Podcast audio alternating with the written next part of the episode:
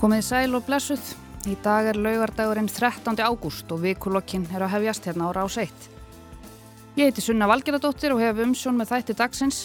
Það er ennþá sumar þó að flest séu líklega komin aftur til vinnu eftir fríið eða útlandaferðirnar, sumarbústaðina, framkvæmdirnar í gardinum eða hvaða var helst sem að fólk nýtti tíman sinn í. En við erum hér saman komin í hljóðstofa 6 í efstaleiti, ég og Lidja Gretastóttir tæknimaður á samt mjög góðum gestum til þess að fara yfir það sem hefur gerst í vikunni. Það eru alls konar tímamót framundan, annað en árstíðaskipti, meðal annars hjá sumum gestum mínum, en það eru þau Kristrún Frostadóttir, þingkona samfylkingar, aðalhefur ámyndadóttir, fréttastjóri fréttablasins og Karl Ágúst Úlsson, leikari, rittuhundur og formaður rittuhundarsambands Íslands. Verðið velkomin og takk fyrir að koma. Takk fyrir. Kæra þakkir. Takk. Það verður kosið um nýjan formann samfylkingarinnar á landsfundi flokksins í oktober. Lógi Már Einarsson tilkynnti í sumar að hann ætla að hætta eftir sex ára formensku og fundarins er beðið með eftirvæntingu. Kristrún, við langar að byrja á þér. Já, viltu fá tilkynningu í beinni? Það væri rosalega vel þegið að fá smá skúp í beinni. Ætlar að gefa kostaður í formannsambandi samfylkingarinnar? Sko, ég er búin að taka mig tíma núna í sumar. Um, bæði svona persónlega ástæði með, með barn á leikskóla sem fyrir fjöru vekna frí og, og líka svona eins bara að tala fólki kringum mig. Og ég held að það sé svona hreinlegast núna að segja að það bara fyrir að styrta stíða og koma eitthvað frá mér.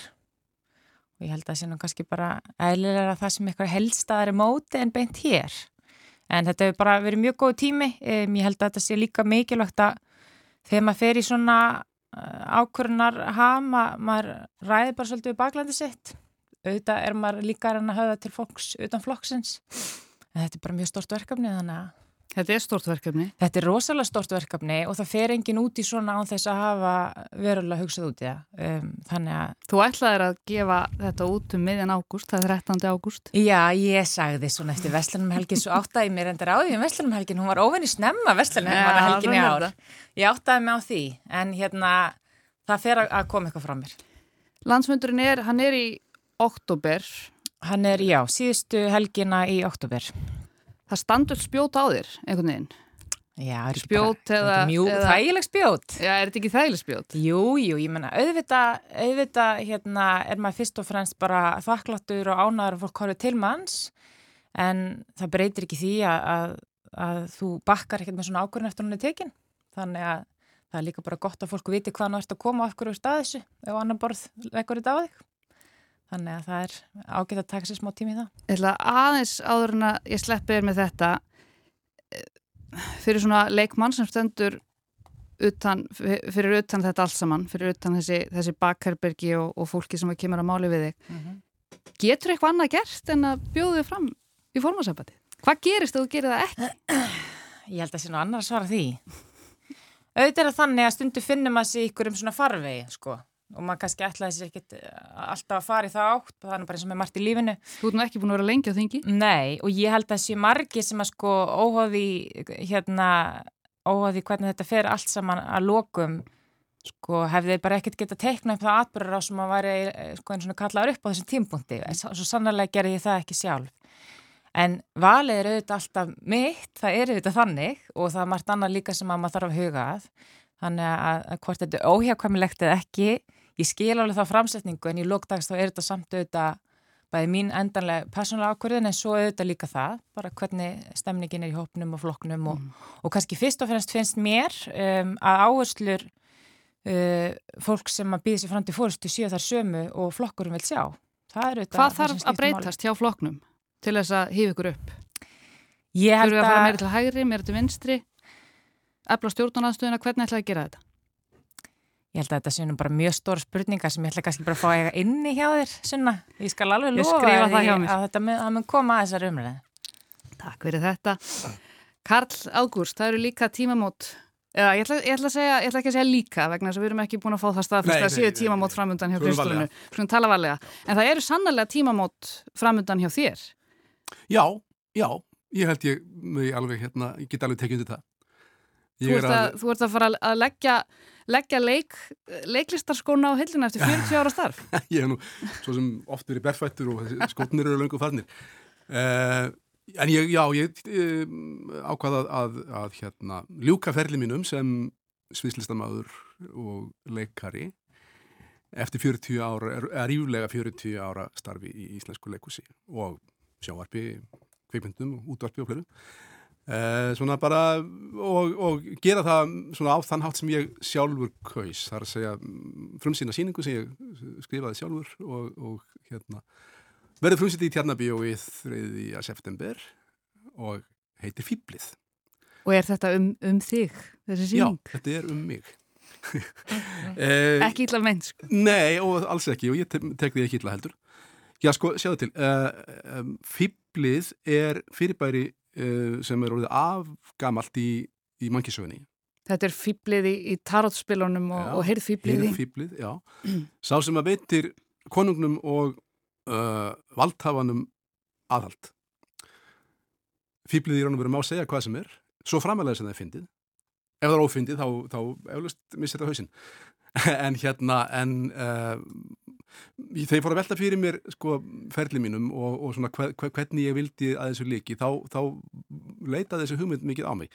Uh, ég hef í raun og veru ásand félögum mínum og, og, og hérna, en já, þá, þá hef ég gengt einhvers konar hlýðstæðu hlutverki við fýblið við, við hýrð konunga. Það var alltaf mitt hlutverk eða oftast og lengst af hlutverk að uh, rýna í samfélagið, rýna í, í hérna, yfirvöld, gera þau hlægileg. Þegar maður, þegar maður lítur tilbaka og, og horfir á til dæmis eins og spökstofuna, hvernig mm. þið náðuð að framleiða á viku fresti já. þessa þætti, það er ótrúlegt. Ég veist að ég vil bara segja já í því, það er ótrúlegt. Uh, og þetta, þetta er ekki, uh, það er einlega, sko, fólk trúðu þess ekki. Ég verið að spjalla við kollega mína sem vinna í öðrum löndum uh, einmitt við uh, að skrifa fyrir sjónvarp og, og skrifa og framleiða þætti sem eru kannski einhvern, einhvern hátt hlýðstæðir við það sem við vorum að gera. Og mennlega hrista bara hausin, uh, segja þetta er ekki hægt, nei, þú ert að, þú ert að, að, að, hérna, fýblast með mig. En, en þetta gerðum við við höfðum eina viku og á þessari viku þurftum við að vinna bæði hugmyndavinnu, handrit, alla undirbúnisvinnu á öllum deildum uh, sem stóðað að upptökunum og skjóta þáttinn. Komunum helst í loftið réttin tíma, það, það var stundum sem það klikkaði. Það gæti alveg, hérna, ef eitthvað kom upp á, það mátti ekkert bera út af, ef eitthvað, eitthvað kom upp á, þá, þá kannski var ekki þátturinn tilbúin fyrir en hálf tíma og sent eða eitthvað ekki sérstaklega vinsælt en, en, hérna, en okkur var, en var fyrirgefið. Okkur var fyrirgefið það, já, mm. já, já. Við áttum að hugga í hodni þessum að, að Rósa heitin Ingolstóttir sem starfaði sem, sem hérna dagskrár þula hún hljóp í skarðið og tegði lopan á með að hún vissi að það var hérna við vorum í vandraðu með að koma, koma þættinum saman að hún, hún bara tegði lopan og saði sögur í, í, hérna, í betni útsendingu þangað til að hægt að íta á play áhorfendum til mikill að gleði. Já, vonandi. Já. Ekki öllum, en, en, en, en vonandi meir hlutanum. Hm. Þetta er spennandi. Já, já. Margt framöndan hjá þér. Þú já. ert formadur í tömndarsambandsins. Já, það er mm -hmm. ég. Mhm. Já, já. Já, já. Og sko, hérna, ég hef náttúrulega starfað sem höfundur uh, í raun og veru jafn lengi og sem, sem leikari og leikhúsmaður. Uh, þó að miklu færri viti það. Það er bara eðli, nýsmöndi eðli þessar listgræna. fólk er ekkert endilega að fylgjast með því hérna uh, hvað vil ekki eftir mann marga bækur eða mörg leikrit og tekum allir eftir því hvað höfundurinn heitir þegar að frumsýndir í einhverjum leikusum uh, það er bara þannig. Uh, andlit leikaransins er einhvern veginn blasir við og, og límið sig í, í minni og, og vitund mm. þeirra sem að, að áhorfa. En, en hérna en ég hef búin að starfa sem ríthöfundur alveg sko, já já, í 40 ár líka og uh, uh, sko eftir að, eftir að ég hætti sem sagt og kveðleikúsið sem ég ætla að gera með að mikilvæg væntum þykju og virðingu, ég að þetta er búið að vera hérna æfistar mitt að stórum hluta að þá svona get ég líka snúið mér að því að, að, að skrifa það sem ég átil, hálfskrifað bara að Kikið skúfunar? Já, kikið skúfunar, hugað hugmyndum sem að ég, svona, mér hefur fundist oft vera góðar en hef bara ekki geta gefið mig tíma til þess að sinna þeim og þar með þetta ræði ég algjörlega hvað ég starfa við, hvað ég geri, hvað ég vinn Það eru forrættindi Já, uff, jésús minn, það mm. er heldur betur ég, hérna, ég er afskaplega þakkláttu fyrir hennar fyrir minn mm. og, og ég vil bara hafa þessa stjórn á honum að, að ég vil fá að vita Það er að segja að ég vil ákveða sjálfur hvernig hún líkur uh, í stað þess að hann einhvern veginn bara fjari út og sé búinn eða ekki búinn eða, eða eitthvað. Það er klókt. Á, kannski. Allavega, það, það hendar mér. Aðalhefur, þið lendu heldur betur í smá stappi í vikunni þegar að það var gerð nettárás á VF fréttablasins. Þú ert fréttastöru fréttablasins. Þið byrtuð mynd í stóri grein á blaðun á miðugudaginn þar sem var viðtal við val í Úkrænu og myndin var af rúsneskum fánanótum sem dýramóttu á, á ótilgrendu heimili í Úkrænu og rúsneska sendiráðið var ekki sátt við þessa myndbyrtingu. Nei, það byrjaði eiginlega þar að, að e, sendir að Rúslands á Íslandi byrti nú færsla á samfélagsmeilum um þetta og, og hérna krafðist afsökunarbenni frá blaðinu. Og uh, og svo kemur sem sagt á e-maili til rítstjóra uh, hótun um netaross og verði ekki verði ekki þessari beðni eða kröfu sendi hér hans lít Uh, ég var nú á kvöldvakt þennan dag og var ekki mætti vinna fyrir enn þrjú þannig að ég, ég hérna, var ekki ári í ytstjóninni þegar það komu svo tveir, tvei vöðvabúnt mættu á staðinn með bref Frá uh, rúsneska sendiráðinni? Já og, um, og það maður fann alveg og sko svona tilfinningin innan hún svar þannig að það var alveg augljóst í hvað tilgangi þeir senda þarna einhverja svona tvo svona þögs á staðinn þeir komast upp með liftunni upp á fjörðu hæð þar sem við erum og hérna banka þar á hurð og og aðfenda þetta bref og mönnu var svona ekki um sel að fá þá í gettina sko. Sáðu þeir eitthvað? Um, nei, þeir voru bara aðfenda þetta komið komi því bara til skila til þess sem að, sem að svaraði bankinu að, að þeir eru með þetta bref til rittstjóran sko. Uh, Og í þessu brefi var sérst krafa um afsökunarbeðni? Já, sendi, uh, já þetta já. var sérst krafa frá sendiræðinu mm. um, um afsökunarbeðni.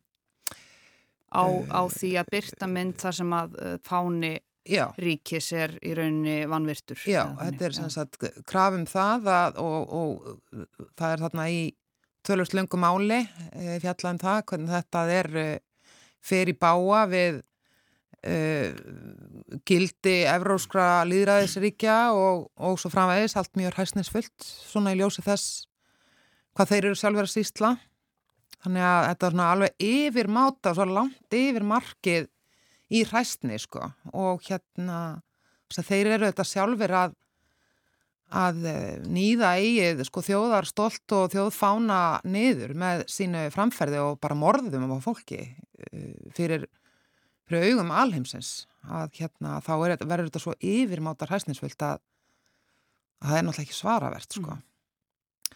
Um, Nú svo er gerð þarna netárás á okkur uh, fyrir háttegið og, og, og, og hérna sem hægir aðeins á starfsamenni en, en hérna því til viðbótur auðvitað fer okkar tækni fólk og hýsingar aðalinn okkar í svona svona sérstakt örgismót þannig að þetta hæði svolítil áhrif á okkur þennan dag. Uh, þeir sem að fara inn á fór inn á vefin hjá okkur auðvitað varir við það, það kom upp svona örgis, örgis síða áður en það komst mm -hmm. lengra meðan það var verið að verifæja þú værir úr úr hérna örgri átt og svo framvegs og hérna og síðan voru þeir sem sagt búinir að hóta því að það er gerðan netta rás á, á miðnætti á rúsneskum tíma nýju Já, var klukkan nýju og við fundum svo ekkit fyrir því sko Nei, það, svo hótun var líka svona kannski uh, svolítið undarlega orðuð með Já. mjög mörgum upprópunamerkjum og Já. láfið að það vantaði bara svona reyða, reyðakalla, svona Já. emoji inn í, inn í það. Það, það svona... breytir því ekki sko, að þeir sem ekki eru skrifandi, það, það þýðir ekki að þeim ekki endilega alvara sko, mm. þú veist, það, það er ekki, og mér finnst við Sko, mér finnst við Íslandingar oft taka svona málum hriðiverkum eða hótunum um hriðiverk eða um árásir uh, á tjáningafrelsið eða mér finnst við oft taka þessu af ofmikill léttúð. Og við, við búum okkur til hérna eitthvað svona falst öryggi. Þetta geti aldrei gerst á Íslandi svona öryggi. Og jafnvel þegar eitthvað gerist að þá þú veist, fyrst er að við tökum ekki alvarlega bara að eitthvað geti gerst og svo þegar eitthvað gerist þá bara fylgjum við því ekki næla vel eftir og, og ég er ekki sátt við það, ég er ósátt við það mm. ég er ósátt við það að það hef ekki verið um, það hef ekki verið upplýst hver skaut á bílina stags Eggertssonar og hann hafi verið ákjörður ég er bara ósátt við það mér finnst það óásættanlegt Hvað segir þú við þessu Kristún? Þú samála? Sko mér finnst þetta mjög alvarlegt mál og ég eh, sko er sammála ég er í rauninni bara sammála allir því sem hér er verið sagt sko. Það að, að í rústneska sendiráðið og, og hver sem var að baka þessa árás og hvernig svo sem þær tengingar voru taldi að þetta væri gerlegt hér að það væri andrumsloftið möguleiki á því að senda svona skilabóðu hótun er auðvitað eitthvað sem við hefum líka að taka alvarlega. Auðvitað getur við verið með okkar varnir og viðbröð þess að það, en, en svo staðrenda að, hérna, að, að fólki í rauninu bara kemur það til huga að gera eitthvað sem að mörgum okkar þykir ó, bara fáránlegt, óhugsandi. Hvernig dettu þér í hug að við myndum hlusta á þetta? Það eru auðvitað ákveðin varnar orð sem við þurfum þá að hafa bak við eirað og ég er, er sammála aðlega eh, að þýldunum til að það þarf að taka fast á þessu, þetta er til rannsókn hjá lauruglu og, og það þarf eitthvað að koma út úr þeirri rannsókn. Og það skiptir rosalega miklu máli og ég get nú bara tekið ut hérna undir orð utarrikisráþara, ég menna hún var mjög svona öryggisinni framsetningu og, og í rauninni bara lísti yfir fáránleika þessa mál. Já, það að rússarnir væru hörundsárir. Hörundsárir og þetta væri óbóðlegt og, og, og líka þessi skilabóð sko að vera að nýta yfir einhvers konar yfir hilmingu eða hugmyndir um fánalög eða virðingu við þjóðríki um, þegar frjálsir fjölmennir er náttúrulega bara að segja frá ástandi mála. Mm. Þetta er bara ástand mála núna í Úkræni. Svona horfir fólk á Rúsland, svona fer fólk með rúsneska fánan. Það er ekki starfs með fréttablaðsins sem er að trafka á fánanum, skiljið. Þannig að ég, hérna, ég, ég, ég segi bara við hljótum að gera þá kröfu að það komi eitthvað út úr þessu málu þegar verið sendt skýr skilabóða að svona orðasendingar og, og meldingar eh, til frjálsra fjölmila og bara til líraðsamfélags eins og Íslandi verði ekki liði. Finnst ykkur, einmitt, finnst ykkur ekki að, að stjórnvöld eigi að bregðast við þessu á einhvern hátt, á annan, annan hátt en að, að senda kannski svona einmitt yfirlýsingar eins og Þórtís uh, Gjöludóttir gerði, auðvitaðrikkis á þeirra, uh, saði að rúsatni væru hörundsárir. Lilja Alfredsdóttir, hún er á þeirra fjölmela, hún, hún sagðist harma þessa árás og, en var ekki búin að ákveða hvort að þetta málefni er tekið upp, hvort hún ætlaði að ræða þetta eitthvað formlega við rúsneska sendiráðu. Hvað finnst þér, Karl Ágúst, hvernig finnst þér að íslensk stjórnvöld eigi að bregðast við svona hótunum mm. og, og árásum í garð frjálsra fjölmiðla á Íslandi? Já, ég meina, sko, ég kannski ennú ekki með á, á, á Radbergi, sko, nákvæmlega hvað ætti að gera, en auðvitað eigum við að, að gera mjög alvarlega rættusendi við þetta. Þetta er óþálandi eh, og jú, jú, Íslands stjórnvöld eiga að, að, hérna, að, að láta það bara alveg skýlust í ljós hvað, hvað þeim finnst um þetta. Þetta snýst allt saman um, um hérna, tjáningafrelsi og, og, og brentfrelsi og ég meina þetta gerist hérna hjá okkur og ég er alveg saman á því að, hérna, við höfum ekki te tekið þessa hluti nú alvarlega. Uh, þetta er grav alvarlegt mál ég sjálfur lendi í, í, í hérna, svona tölvu árás og, og hérna, ég veit bara hvað það er skjálfilega uh, slæm tilfinning og, og skýtur manni skjálk í bringu þegar maður átt að sjá því hvað er hægt að gera. Hvað var það sem þú lendir í? Það var bara brotist inn í hérna á mitt engasvæði og fjallað gögn sem að ég átt ekki eða mátt ekki hafa í minni vörslu. Mm. Sankvæmt mati þess sem að, að stóð fyrir þessu. Býst ég við. Ég, valdi, ég fekk aldrei neina viðvörun, ég fekk aldrei neitt sko, hérna, eftir á neitt neina útskýring á þessu. En ég hef nú svona bara lúmskangur um að það hefur verið hérna, fólk að sama þjóðurni að verki og, hérna, og ríðast á fréttablaði og hef svona, já, hef ég ástæðu til þess að, að halda það. En, en allt um það, ég meina þetta er, sko þetta gerist hér á Íslandi. Eh, á, á, á, á sama tíma ráðist á Salman Rushdie og mhm. hérna e, til þess að, jú, vantilega til þess að, að, hérna, að taka hann að lífi. Já, það voru svakalega fréttir sem að bárast Já, stöða tjáningu hans, eh, svifta hann þessu tjáningarpressi. Og stungin í hálsin, hún er núna haldið, samkvæmt nýjastu fréttum, hún er haldið svoandi í öndunumvél. Hvernig var þeir við þegar þú heyrið þessar fréttir? Skiljulega. Mér finnst það rosalega frétt og hérna, og, og, ég meina það, við meina, ok, það, það er svo langt síðan þessi þessi er hann að vera dauðadómur innan gæðsarlepa var kveðin upp yfir manninum og hann er búin að þurfa að fara huldu, huldu höfði. En helt náttúrulega fyrir nokkurum árum að, að þessu væri lokið en aldeilis ekki. Það, það, það er ennþá setið um, um, um hann og, og það á refsonum fyrir fyrir hvað, guðlast? Já, og okay. þetta gerist fyrir framann fullan sala fólk Já. Hvernig leð þér þegar þú heyrið þessar? Það er að hörmulega sko, en þetta er einmitt það sem að, og við vorum að ræða það í gæra á við sem vorum á kvöldvaktinni og, og hérna og ég var að fara að leggja stað heim á hjólunum mínu og, og hérna þetta hefur alveg og það er svo skrítið að þetta hefur meiri áhrif á mann en, en marga myndi grunna að mm. verða einhvern veginn aðili inn í svona Þa, mm -hmm. það hérna ónóta tilfinningin er til staðar sko og, og hérna og ég hjóla nú alltaf úr, úr og í vinnu og ég lít bara miklu oftar í kringum mig sko á leðinu heim, ekki það að mér hafi eitthvað persónulega verið hótað mm -hmm. en bara svo tilfinning að, að hérna einhverjir rússar séu hérna ofinberlega reyðir við frettablaðið mm -hmm. og þá semst þar starfa og uh, hafi beint erendum til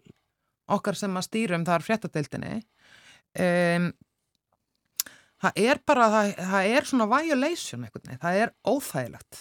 Og, og við vorum bara að ræða þetta í gerðkvöldi þegar við vorum að fara heim, ég var að fara, við vorum að fara heima vaktinni að, að hérna að e, maður ímynda sér alltaf að það sé svo miklu merkilegra fólk en maður sjálfur sem að, sem að sko á að þakka niður í sko. Sem að brotið er sem að verður fyrir brotum á tjáningafælse sínu. Þetta sé allt sko heimsfrækt fólk eða fólk sem er að gera bara merkilegri hluti en við á fréttablaðinu. En, en það þarf ekki að vera þannig. Það er bara hérna að vera að ráðast á tjáningafélsi okkar núna sko. Og eh, og eh, og þessi áreitni þessi, þessi, þetta violation ég veit ekki fyrir ekki að mm. ég er náttúrulega hérna á Ríkisúttorpuna Þessi, Við svona... lifum þessu að slæta. Maður, sko maður upplifir þetta raunverulega og, og hérna alveg raunverulega. Og þetta er alveg svona raunverulega óþægindi. Og ég get til sem dæmi, ég er nú sannlega að gera með algjörðu fýbli með að segja frá því hérna uppátt en, en hérna uh, ég var fyrir því gær þegar ég er á leiðinu í vinnu sagt, þetta er í fyrra kvöld sem að árásin átt að verða, netárásin átt að verða og, og þetta er í sérst, fyrra dag sem þetta gengur alltaf á þarna í rauninni. Uh, og ég er á leiðinni svo, svo hjóla ég heim um kvöldi og svo ég, í gær dag og fyrir ég, þau sem ekki vita þá er fréttablaði með skrifstofur niður á Hafnar Hafnatorki upp á fjóruðhæð þannig fyrir ofan HM Ég er svo hjóla heimannu um kvöldi og, og hérna og snerti svo ekki hjólið fyrir en að ég mæta á vaktina miðan dagdægin eftir og þá var hjóli bremslust virkar bara ég, og ég sko hjóla, ég var næstu undir bí, bíl á leginni vinna Eðna, af því ég bara eins og ég er vun ég hef aldrei átnægt við bremsun aldrei þurft að pæli í bremsunum eða stilla eða nátt skapaðan hlut, ég bara stekk upp á hjólið og svo er ég að hjólinu í barnastegin og það bara allt í enu grípi í tómt sko, það er kom bíl og ég bara, þú veist. Og ég hugsaði strax um rúsa um svifa laust mm. og ég meina ég það er fáránlegt. Það er fáránlegt og mér varst það fáránlegt. Og ég skammaðist mér fyrir það og, og hérna og svo ringdi ég í manni minn hérna bremsunlega og hjólum mitt og, og hann saði strax hérna hefur þið skiljuð einhverstar eftir eftirlitslaust?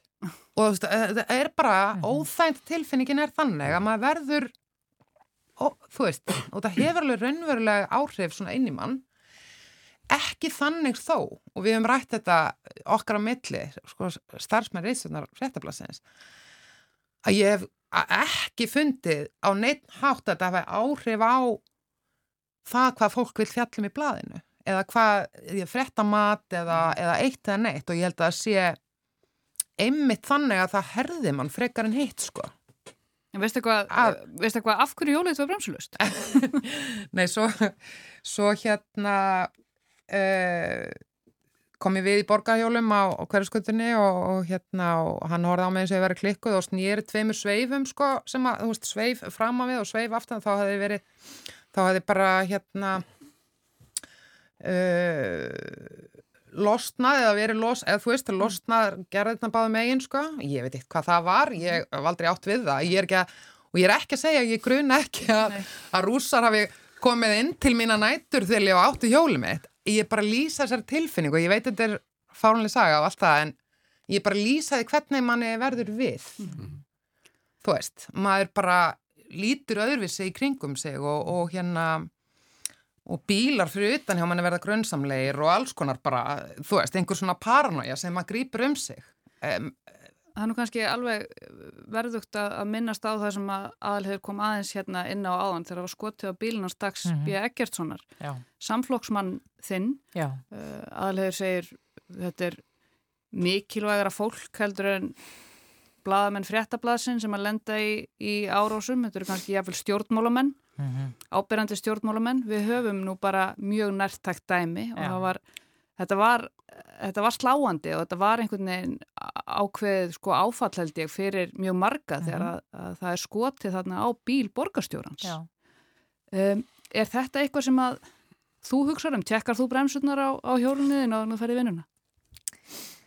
Nei, ég geri það nú ekki en auðvitað hefur maður alveg velti fyrir sér sko, ef einhver lappar svona fram hjá gluggarum hjá sér og, og maður er einhver sem maður þekkir ekki sko, ég held að heilt yfir þá búum við það þjættu og litlu samfélagi að sko að hérna, maður á ekki að þurfa að hugsa svona það er ekki þar með sagt að það kom ekki mitt upp aðstæður og það sem aðalega er að lýsa hérna er náttúrulega nákvæmlega til þess sem leikurinn er gerður. Mm. Hann er til að skapa samfélagslegan óró og vantraust og, og grafa undan bara samfélagsmyndinni líka. Þetta á sér stærri, um, það er svona stærri hugsun á bakveð, þetta er ekki bara person, er að segja þjóðara áráður sko og þess vegna skiptir svo miklu mála að þessi tekið af þessa festu. En það eru þetta margir hlutir sem að fólk velti fyrir sig þegar þeir stjórn, út í stjórnmála að sem vilja meina að þú missir svolítið engalífið þitt og þess áttar sko. Um, en sko það eru þetta engu saman að líka það að, að sko fólk aðeins líti við þegar sjáu þið út í búðu eða jafnvel heilsiði og ég hef nú bara heilsamanni og, og mín upplifin er, er bara jákvæð og ég held að það sé einmitt sko það sem að fólk sér ekki í stjórnmálunum af því að það var margir rætt um mig sko akkuru af hverju mér datt nú í huga að fara út í þetta og opna svona á þetta allt saman. Af því að það er oft lift sko hérna neikværi umfjöllun mjög mikið. Skotleifi. það er svolítið þannig en fólk sér ekki allir ákvað skilabóðin sem hann er berast líka sem er svona 95% af því sem að fær beint til sín fólk kemur upp á manna veitingustöðum og þess að þú, þú, þú færð mjög mikla jákvæða líka endugjöf og meiri held ég oft en fólk átt að segja á og það er líka mjög gefandi og maður verður auðvitað bara að muna af hverju maður að þessu, þetta er samfélagsstjónust að maður er að gera þetta fyrir fólk. Það breytir því ekki að þegar kom upp svona mál eins og hjá hann um degi bíi þá auðvitað hugsa fólk sig um og ég veit að hann gerði það alvarlega og hefur sagt frá því að þetta er auðvitað bara gróft brot af friðhelgi fólks að vera sett í þessu stöðu. Á sama tíma eða söpuðum tíma komu upp uh, árásir stjórnmálaflokka, það hefur verið skotið á stjórnmálaflokka og um, Það var nú bara komið fyrir frekar að upplöru sprengju stjórnar á því sko, það var eiginlega bara hleyja að því. Mhm. og það var ekki tekið nægilega alvarlega af yfirvöldum að mínumatti á þeim tíma. Mér finnst þessi léttuð, sko, nú er ég frekar frjálslend manneskja, mér finnst þetta of mikið léttuð hér á landi, hvernig hefur, mér finnst ekki hafa verið tekið uh, bara nægilega einhvern veginn stert er á svona, við, þessum. við sópum þessu svona svolítið undir teppið og sko gerum svolítið lítið og, og úr, hérna, kannski svolítið eins og, og uh, mentalitetið var hérna á árum áður varðandi ef við tökum kynfyrsbrot sem dæmi. Já. Að þetta er nú kannski ekkert svo alvarlegt. Við skulum ekkert vera að hugsa mikið um það. Sko það er náttúrulega, ég er alveg algjörlega saman á því að, að sko, mikill meiri hluti fólks er vill vel og, Mhm. og, hérna, og maður fær, gott og hlýtt viðmót frá þeim meiri hluta.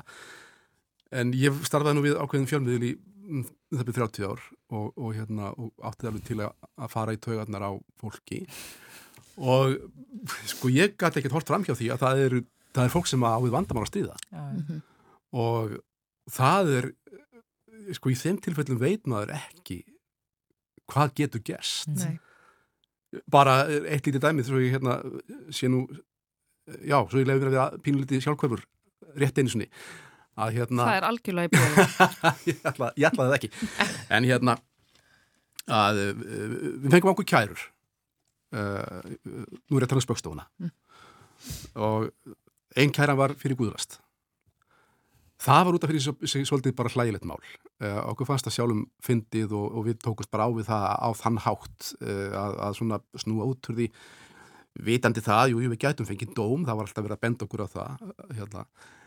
en, en hinliðin á því máli var að uh, heittrúaðir bókstafstrúarmenn sem áttu við vandamála stríða, segi ég hótuðu okkur lífláti og að sjálfsögðu helvitisvist og allt, allt slíkt sko en voru kannski ringjandi heim til okkar á öllum tímum sólarings til þess að bera okkur þann bóðskap að hérna, hvað, hvað býð okkar ímist bara sko í líkamlegu, af- líkamlegu ofbeldi eða bara eftir að að búi að vera stúd okkur við lendum þá sko, það er alveg hægt að hlæja þessu en þetta er samt rosalega alvarlega hlutur Mhm. og Það er það sem ég er að segja, sko. Já, með, já, ég, ég, ég veit þetta er, þetta er bæði með þessa sprengju Mm. við nei við hérna stjórnaráðið Mm. og mögulega þennan einstakling sem að, sem að skauta á bílina stags, Mm. að þetta geta verið veikir einstaklingar kannski, en þetta er alvarlegt sko og enga síður Auðvitað, auðvitað. og getur verið bara lífshættulegt sko.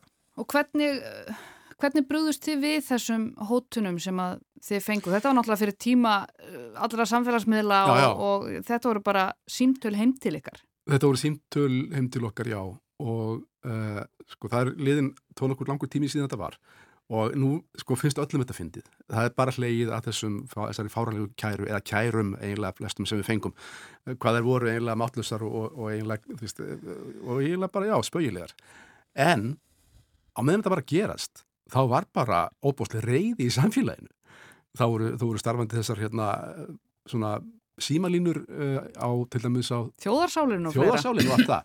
og það endurvekja fólk þjóðarsálinu. hérna, já en hún var ekkit sérstaklega skemmtilega að hlusta og ekki fyrir okkur á þeim tíma þarna hringdi fólk sko algjörlega sko fróðufellandi af reyði út í, í ykkar garð í okkar garð Já. já, já, og fordæmdi þetta e, og þetta, þetta tók nokkra daga að ganga yfir þar sem fólk hringdi og eina erindið var að, að bara lýsa neykslun á þessari framkomu okkar e, því að við skildum leif okkur að að skopast að Jésu Kristi Getur þú rifjað upp fyrir hlustendur bara í mjög stuttum máli hvað það var? sem við gerðum? Já, Pás, það- Var þetta ekki páska Þetta var páskaþáttur, jú, jú, jú. Dásamlegur þáttur Já, takk fyrir það. hérna, það fannst ekki öllum. Uh, já, þetta var páskaþáttur, þáttur sem fór, fór í loftið í lögadaginn fyrir páska og fjallaði um, uh, hérna, uh, fjallaði um biblíusögnar og ef ég man rétt, ég hef nú ekki hort á þennan þátt mjög lengi, en ef ég man rétt þá, þá settum við þetta upp eins og, og velunafendingu. Uh, við vorum að velja besta kraftaverkið, hérna, bestu biblíusöguna og svo framvegis og, og, og leikum alltaf litla búta úr, úr hérna, biblíunni, bæði gamla og nýja testamenti. Og hérna, þegar mönnum fóru svona aðeins að, að renna reyðin, sko, til dæmis innan kirkjunar, þá hérna, þá fengum við svona skilabóðum það að þetta hefði nú margt að þessu verið fyndið sem við tókum úr gamla testamentinu. Ekki því. en ekki því nýja það hefði verið miklu verra. Og, og ekki hlægjandi að því. Og hérna en þetta var, var afbrúti sem við fröndum og hérna og, og þá voru náttúrulega í gildi lög sem bannuðu guðlast svo það tótti ástæði til þess að rannsaka málið og, og, og hérna Fóruð í skýrslutöku? Já, já, já, já, já. við fórum, fórum í skýrslutöku. Það var mjög skemmtileg minning hérna þess að ég mætti í, í, til yfirherslu hjá rannsóknulörglunni og, og hérna ég kem inn á skrifstofu til mann sem sittur þar við borðu og hann er með svona mjög háan bunga af FHS spólum og hérna mertar, eh, mertar spökstofunni á borðinu og ég hugsaði strax um ekki að maður hann þurfti að horfa á allt þetta efni. Og hann býði með sæti og, og hérna ég staðfisti eh, hvað ég heiti. Og síðan kemur næsta spurning sem var e, viður kennir þú að tilhera þeim hópi manna sem kalla sig spökstofuna og ég horfði nú svona á, á spólubungan og hugsaði ég get nú valla þrætt fyrir það. Ef hann er búin að horfa á þetta allt saman þá lítur það líka nokkuð ljóst fyrir. Það er kannski ekki þetta sem þú ert að tala um aðalhegur að taka hlutunum alvarlega. Að ég veit ekki að gera það. Nei, ég, sko ég menna, ég hef náttúrulega viðkennið sjálfa hafa svolítið gaman að þessari sögu þegar hún er sögð hérna mm. þannig samt eins með minna þið hafi verið kærið fyrir klám líka, líka. er það misminni? Það var önnur, önnur kæra, já, já. Önnur kæra. og ekki síðri ja, Nei, hún er skemmtileg líka Nei, ég hérna og ég menna það er það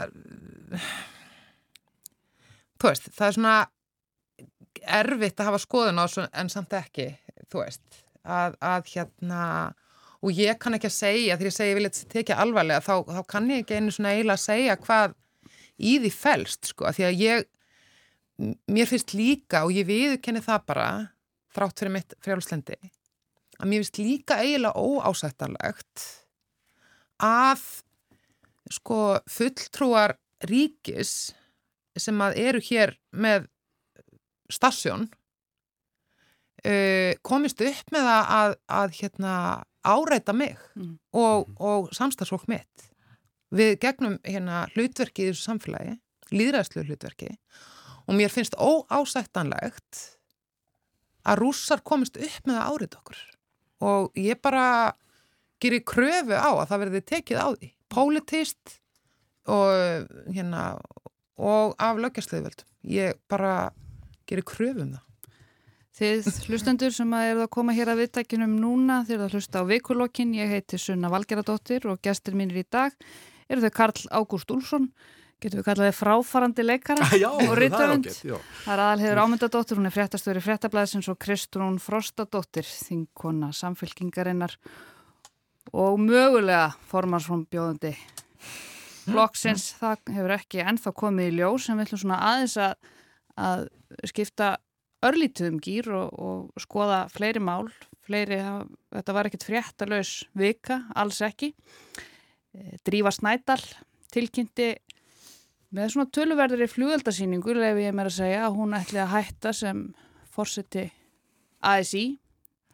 Þetta gerði hún bara núna í vikunni og fór hörðum orðum um forsvarsmenn uh, verkefliðsreyfingarinnar Kristrún, hvernig slæðir þetta þig? Þetta kemur náttúrulega sem svona hálfgeft reyðarslag inn í komandi kjara viðræður. Það hafa bæði, sko, bæði launafólk og atvinnureikandur sagt. En það var svolítið, hún var ekkert að skafa, skafa að því, drífa, þegar hún ákvaða hætta. Nei, ég meina hún sagði bara nákvæmlega frá ástæðunni að baki þessu sem að mér fast bara gott hjá henni. Um, menna, ég get sagt fyrir mína parta og okkur sem er um, viljum auðvitað sjá öfluga verkefliðsbaratu að það er mikil eftir sjá af drífu og hún hefur verið mjög ödul baratu kona um, í verkefliðsreifingunni og vissulega hefur maður ákveðna áhyggjur af tímasetningunni sem þetta kemur upp þó að það hafi kannski leið í loftinu að það eruðu þarna breytingar og voru breytingar eftir vill í farvatninu bara liggur þannig svolítið einhvern veginn fyrir eh, að þetta gæti orðið sérstök tímasetninga því að þing ASI er þarna í byrjun oktober og svo í kjálfari byrja að losna kærasamningar og þetta auðvitað getur flekt stöðuna um, sérstaklega því að við erum einhvern veginn komin á þann stað á vinnumarkaði að, að það er einhvern veginn alltaf að fara að semja um samninga eftir að þeir eru runnir út og svo kemur margar á mánu tímabil af ákveðinu óvissu. En sko mig langar að því sögðu uh, til þess að aðeins að, að setja smá aðtikli á það sem að mér finnst ekki nógu mikið talað um í þessu sammyggju og það er af hverju er svona mikil órói á vinnumarkaði. Af því mér finnst þetta, þessi átök sem eru að byrtast núna í verkefliðsreifingunni vera byrtingarmynd, svona undirlegjandi óráa sem að mér finnst oflítið talað um, um og það er að það er ósætti um svona grunn þætti í okkur samfélagi. Það er ósætti um velferðarkerfin okkar og það eru gerðar miklar aðtöðsendir í verkefliðsreifingunni við rekstur þeirra, helbreyðskerfið, húsnæðismálinn Um, ég meina við erum komin á þann stað ef við leiðum okkur að bakka ennþá meira fyrir það er svo mikið hort og bara hvað er að gerist í dag og í sumar. Sko við vorum á þessum stað 2019 fyrir COVID. Það var mikill óráði á vinnumarkaði í aðdraðanda lífskjara samninga. Það voru, það voru ákveðin lofur sem að stjórnvöld um, settu fram sem var ekki staði við til að mynda staða leyenda. Það verið ekkert bæst, það verið engar úrbætur komið fyrir stöðu leyenda og háverðistu kröfunar úr verkefælisreifingunni koma náttúrulega Uh, og, og snúa að svona láteki hópnum sem að við sáum til að mynda talandum fréttir vikunar, ég menna það var bara forsið frétt á, á, á fréttablaðinu þar sem kom fram að, að rúmlega 40% þeirra sem eru með tekjur millir 4 og 800.000 ná ekkert mm. að leggja neitt fyrir um, eitthvað þessu fólki er á leikumarkaði þá er erfitt með að koma sér inn á dýran húsnæðismarkaði og auðvitað segi þetta út frá minni pólitík jú, jú. og við vitum öll hvaðan ég er að koma en sko mér finnst stundum vanta að við smættum ekki hlutuna niður eða, eða sendum svona þennan tón að við séum bara samansapn einhverja eininga sem haga sér sjálfstækt og það sé eitthvað að gerast í verkefælisreifingunni svo kemur tótt frá fórustuminu ríkistjórnarinnar að þau skipti sér ekki af erjum á vinnumarkaði að það sé ekki að skila vandamálum á vinnumarkaði og því verkefni til ríkistjórnarinnar Ég er bara ekki sammála því. Vegna þess að að mistakosti svo samfélagsmynd sem ég trúa á og ég tel mig vita mjög margir íslendingar sammælist um snýra að samstöðu, samtryggingu, við komum að þessu saman. Og það er að koma og kraum upp á yfirborði óanægja með að það eru brestir sem er að myndast í stórum kerfum, eins og ég segi, helbyrðiskerfi, það er aukin greiðslu þáttaka við það, húsnæðismálinn og síðan er því svona hálpartin svarað með yfirborskendri tölfræði sem ég leifi mér að kalla sem slíka því ég hef þekkingu á þessum efnastölum að tala með aukinn kaupmátt sem að er í grunninn laun fólks leiðrétt fyrir verðbólku þegar staðrendin er svo að húsnæðisleiðurinn og húsnæðisverð hefur hækkað markvallt á við verðbólku eh, hvað þá leiguverð og þetta endur speklar í raunin ekki í raunverulega stöðu fólks. Þannig að eh, ég myndi vilja sjá líka aukna ábyrð koma frá stjórnvöldum mm. hvað þetta var. Það er í staðin fyrir að fókusa á eitthvað drama og persónulega leikundur auðvitað er þetta leiðinlegt og þetta er ekki gott. Við getum öll tekið undir það. En við berum ábyrð sem samfélag líka á að reyna að halda í samstöðuna og stjórnvöld eiga þar að sína ákveðna fórustu Og mér langar að nefna líka í þessu samingu af því að polariseiningin sem er ofta rætt um að hún sé konum í verkefliðsæfingunni, mér finnst allt og sjaldan rætt um líka polariseiningu sem kemur á annar átt sem er aðtunurreikanda megin. Hm. Að sko tótnin til að mynda sem heyrist frá samtökum aðtunurreikanda um, sem eru að einhver leiti finnst mér orðin samtök stórfyrirtækja, ekki lítill og meir stóra fyrirtækja, hann hefur líka verið frekar aggressífur uh, sérilagi við veltum bara fyrir okkur hversu mikil, mikil áhersla hefur verið lögð á að minka þáttöku ríkisins, draga úr umsöðun ríkisins. Fyrir mína parta, eins og ég sé heimina samfélagin, það skilji ekki af hverju það eru hagsmunir atvinnurreikanda að heilbreyðstjónustan sé í ólægi, að velferðarkerri sé í ólægi, af því að það leiður auðvitað bara til þess að þessar kröfur eru sóttar í vasa hérna atvinnurreikanda.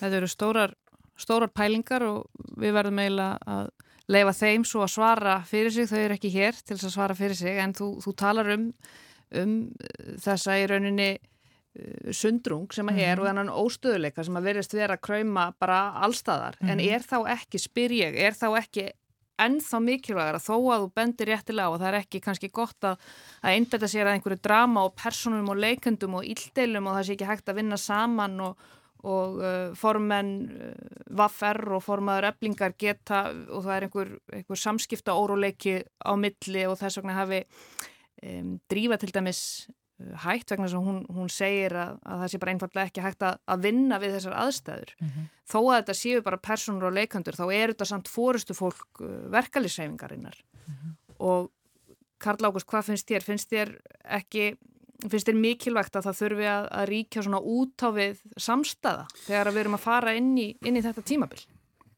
Já, mér finnst það nú.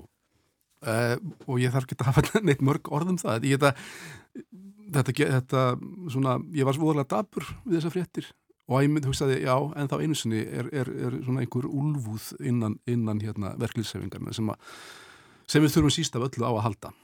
Það eru þetta í samstöðunni sem við hérna, náum einhverjum árangrim og það er svo sem ekkit hérna djúb greining hjá mér, þetta er bara ég, hérna, sem, sem hérna uh, alþýðum aður og verkalið sinni þá hérna uh, þá, þá svona þurfti ég svolítið að stinja yfir þessum fréttum. Mm -hmm. Ég finn nú að segja ég, ég veit ekki alveg hvort ég er sammúlað þessu. Ég held að það er kannski eftir að koma svolítið í, í ljós. Uh, auðvitað hugsa maður sko átomatist einhvern veginn, auðvitað er mikilvægt að verklagsefingin komið fram sem einn maður og, og samstaðaríki og, og friður þar. En ég veit bara ekkert hvort það er rétt. Þú veist, ég, ég veit það að og ég man, sko þegar, við, þegar var verið að gera lífskjærasamningana og, og hérna, og ljósmyndararnir okkar voru að fara í karpúsið og að taka myndir og það var alltaf svo gaman þeir komið með myndir af sko Solveig og Önn og Halldóri Benjamin vegna þess að þau voru bara eins og það, það, það var bara eins og sko það var alltaf plásfyrði bæði á einni mynd sko, það var bara kemmestri að það var svo fyrðulega á millið þeirra einhvern veginn. Og ég bara svona hugsa, ef maður hugsa sko frá verklingsæfingunni séð að þá, þá bara veit ég ekkert hvernig atvinnureikandur hvernig þeim er við, verð við núna að þurfa að takast á við þessa herskáu, þetta herskáa fólk. Kannski verða bara skítrættir og, og kannski skila það sé bara betur fyrir verklingsæfingunni, ég veit ekki. Það sem að maður hefði, hefur ágjur af soldið, myndi ég halda af því ég sammála sko Kristrúnu um að ég held að spjótin be, muni beinast að ríkisvaldinu og hinnu ofinbera og með réttu að einhverju leiti. Það eru bara hlutir sem að hérna, koma kjörum launafólks bara mjög mikið við og skipta mjög miklu máli uh, fyrir lífskjörfólks núna sem að, sem að hérna, enginn getur samið um nema ríkið, sko, nema, nema því þú ofinbera komið að, hvort sem það eru ríkið og sveitafélög hérna og þá náttúrulega sérstaklega húsnæðismálinn. Þar þurfa bæði ríki og sveitafélag að koma af. Kristún, ertu, ertu bjart sín á að, að þegar að þið komið aftur saman á alþingi eftir sumafrí að þetta verið tekið förstum tökum? Ég veit það reynilega ekki. Það er þetta partur af mér þó að það farið svona í taugunar á mér sem vona að þetta sé eitthvað leikur bara hjá ríkistjóninni ef þau ætl ekki að gera neitt og svo poppuðu upp með eitthvað sko. Ég held að þurfi til og ég held að þau þurfa stíga inn, það, það þarf þjóðar sáttar tón inn í samfélagi. Ég held að ef maður bæti inn í þarna geti ég nefnilega að trúa að verði missir af henni drífu sko. En það liggur alveg fyrir að svo þjóðarsátt, hún verður ekkert gerðið ef það kemur enginn fórusta úr pólitíkinni vegna þess að það er bara svo stór partur af okkar daglegum lífskjörum sem eru mótuð af almannþjónustu. Það er bara þannig og ég nefndi þetta hérna áðan um, um sko hliði aturreikata vegna þess að mér fannst til dæmis mjög áhugavert það sem að kom fram núna í fréttum í vikuna sem Ólaður Stefansson sem er frangandastjóri félags aturreikata sem eru svona smerri félög gerði mitt atursendir við uh, háar launagröðslir hjá stórfyrirtækjum og, og er að tala svona svolítið kannski til þessara aðila að kunna sig í þessum aðstöðum vegna þess að ég veit það líka bara að það er fullt af fólki sem er að reyka minni fyrirtæki sem vill borga góð kjör, hafa góða þjónustu, er, gott, er í góðum samskiptum við sitt launafólk og lítur ekki á þetta þannig, þannig og er heldur ekki með þessa hörðu pólitíkum að þurfa að skera neyri í ríkisrekstra, að þurfa aðhalda öllum þessum stöðum af því að það skilur partur naði að reyka samfélag. Og þess vegna held ég að við þurfum að horfa á stöðuna í verkefælisræfingunni út, út frá því samhengi að það er búið að ala finnst mér að ákveðna einstaklingshyggju með því að stæstu aðgeri ríkistjórnarinn að síðasta kjörtjumbili sem átt að bæta kjörfólks voru almennar skattalækkanir, það voru teknir næstu 50 miljardar út úr ríkisjóði og, og svolítið send þau skilabóð, já, þú sérðum þig sjálf. Og svo er fólk hissa þegar það koma herska og rættur og verkefælisreiningur sem segir, við ætlum bara að taka okkar. Við erum bara að sjá um okkur sjálf. Það vantar bara svona undirliggjandi samstuðtón í pólitíkina komandi líka frá atunreikundum og, og það rött svona smarri og millistóra atunreikunda heyrist aðeins betur en það er að rekstarskilir til að mynda, kakvart launahækkunum eru allt, allt öðruvísi en starri fyrirtækja. Og við þurfum að ná þessum kjörum sem er verið að berjast fyrir, fyrir sérstaklega lálauna fólk og fólk sem á erfitt mann á endun saman í gegnum aðra þætti en bara launaliðin verðan þess að það mun líka er, reynast erfitt ef við ætlum ekki að fá þetta upp stegan og þar eru húsnæðismálinn sem hafa einfallega verið vannfjármögnuð e, er, þau eru algjörlega í forgrunni og heilbyrjastjónustan líka Æ. og ég held að þessi óráleiki hann hverfi ekki nema stjórnvöld komi fram með ykkur alveru tillegur um að leysa þetta til lengri tíma. Það verður spennandi að sjá hvað þið gerið mm -hmm. við Östurvöll þegar þið komið saman aftur.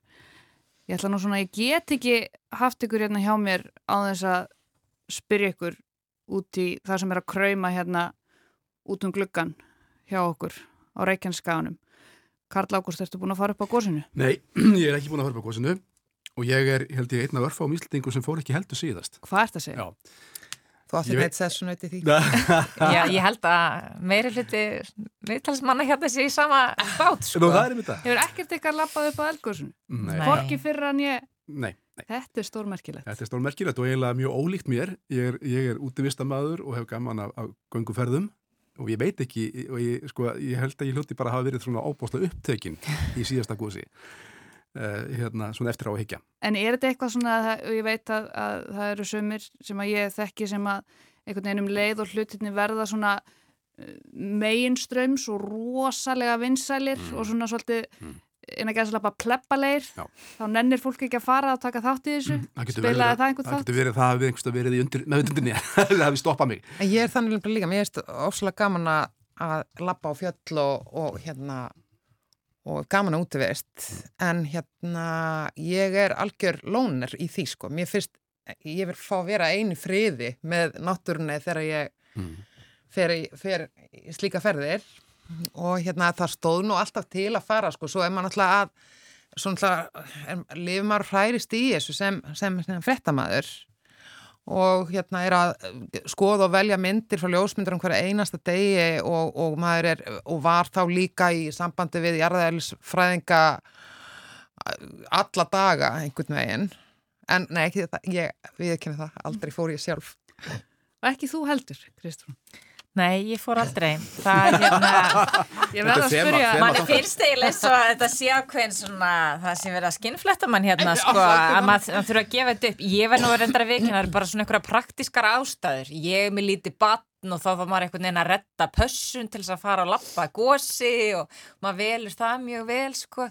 Um, þetta er, var í rauninni bara, ég gaf mér ekki tíma í þetta. Þetta er nú ekki mikið floknar þá og, og kannski var spenningurinn einmitt á kannski ekki nægilega mikill fyrir því en mér finnst þetta auðvitað stór merkilegt en mér finnst líka bara flott að sjá myndir frá þessu frá öðru fólki og mjög þakklátt fyrir þá sem að fara og leggja þetta á sig. Ég verða að spyrja, Lidja, Lappa, erst þú búin að fara på kursinu? Já, ég fór í fyrirskipti. Ég fór líka, svo að það sé sagt. En, ég, ég, en, en núna eru náttúrulega, við komum náttúrulega aðeins inn á þetta, en núna eru náttúrulega landið fullt af ferðamönnum það er engin, engin höft, það er engin COVID-faraldur en þá í, í gangi þannig að og, og þessi gönguleið upp að, upp að þessu, þessu setningósi er miklu erfiðari heldur en uh, það fyrra. Þannig að það er búið að, að reyna að hemja þetta aðeins með því að til dæmis banna þarna börn yngre en, yngre en 12 ára. Og við heyrðum það í fréttunum núna klokkan 11 að, að lögreglan eða, eða björgunarsveitir að sjálfbúðarlega við vitum það ekki hafðu afskiptið af fólki sem var þarna með, með ung börn Eh, ætlar að fara upp á góðsunu? Ætla ég? Já. Já, sko, já. Þetta eru stóra reyning. Ég, ég ætla að fara upp á góðsunu. Eh, mér fannst það ágætt við, við töluðum, við hittum stótt í kaffi spökstofum en eh, eftir við hættum samstarfi og tölum um allt og ekkert og þegar fyrra góðsið var í gangi þá uh, uh, var einn af okkar hérna, mestu útvistamönnum Siki Sigurjóns ófarinn og einhvern veginn þurfti að svara fyrir það í hverju viku akkur hann verði ekki bara að hérna, kíkja á gósið En sko, gósið var alltaf að breytast og Siggi saði, ég ætla ekki að fara fyrir undir tilbúið. hann vildi ekki vera að fara að sjá einhverjar æfingar, hann vildi bara sjá, sjá þetta frumsynd í, í allir sinni hérna, eins og þetta ætti að vera. En já, já, ég ætla, ég ætla hérna, núna, að, að hérna, passa upp og þetta hendi mig ekki aftur. En þú, aðlið? Ég bara... Þú ætlar ekki að hjóla upp yfir allavega? Nei, ég bara veit það ekki, sko. Ég, við, við vitum ekkert hvað þetta gos mun standa lengi. Eh, ég áminn nú svona ferðafélaga í, í hálendisferðum sem er hérna yngri sónu minn sem er rúmlega, rúmlega tvítugur. Já, hann er undir orðinn- tólfura. Nó, já, já, hann er rúmlega tvítugur. Eh, við höfum farið, við höfum líka, kannski gerum við það bara eins og með að því við höfum farið fimmverðháls saman, sáum ekki gósið þar en höfum gengið á því, sem sagt, lungu síðar. Það getur vel verið að honum takist að, að draga móður sína þarna upp yfir. En ég bara veit það ekki, ég ætla ekki að, ég lofa engu. Engar stórar yfirlýsingar. Nei. Og næja einhverju stóri yfirlýsingu frá þér um þetta, Kristján? Ég, ég ekki bara spara allar Þú ert búin að- yfirlýsingar þú í ert búin að bíli. liggjandi feldi í sumar að ákveða hvort þú ætlar að lafa upp á gósinu? Ég veit það ekki. Er tilkynum frambóðið á góðstöðum. Já, það er reyndar físna gott. Hérna, ég veit það ekki. Ég, það muni eiginlega held ég bara svolítið ráðast eins og aðlega segi hversu lengi þetta stendur yfir. Það er allan stendur ekki til svona næstu dögum. En það er aldrei að vita að kannski platar með einhver út í þetta. Kannski ringja fóreldra mínu í minn núna í dag og bjóðast til þess að taka, taka dóttur mínu nokkru tíma svo að ég geti komist. Ef þau eru að hlusta, þá hljóta það ekki. Ef þau eru að hlusta og það er nefnilega ekki sjálfgefið. Það er alltaf hægt að nálgast vikulokkin á spilararúf og öllum helstu hlaðvarpsveitum. Þannig að foreldrar Kristján og Frostadóttur geta Já. hlustað á þetta á eftir. Örstuðt, Karla Ágúst, hvað ætlar að gera um helgina? Ó, um, helgina. Uh, ég ætla, uh, ég er að fara núna bara að vitja um nýjasta barnabarni mitt, uh, litla stúlku sem að að verða tökja mánuða og við þurfum að skipulegja nafngjafar aðtöfn og hérna, ég hugsa að dagurinn í dag fari í það og, og kannski morgundagur líka. En já, nei, það er eitt sem ég þarf að gera morgun, ég þarf að fara að reyta arfa. Það, ve- það, er, það er verðugt verkefni. Já. Við erum komin hér að leiðalokum í, í vikulokunum á rás 1. Ég heiti Sunna Valgeradóttir. Gestir mínir voru þau Karl Ágúst Úlfsson, aðalhegur Ámyndadóttir og Kristrún Frostadóttir. Vikulokin verða hér aftur á laugardaginn næstkomandi eins og venja er. Takk fyrir að leggja við hlustir.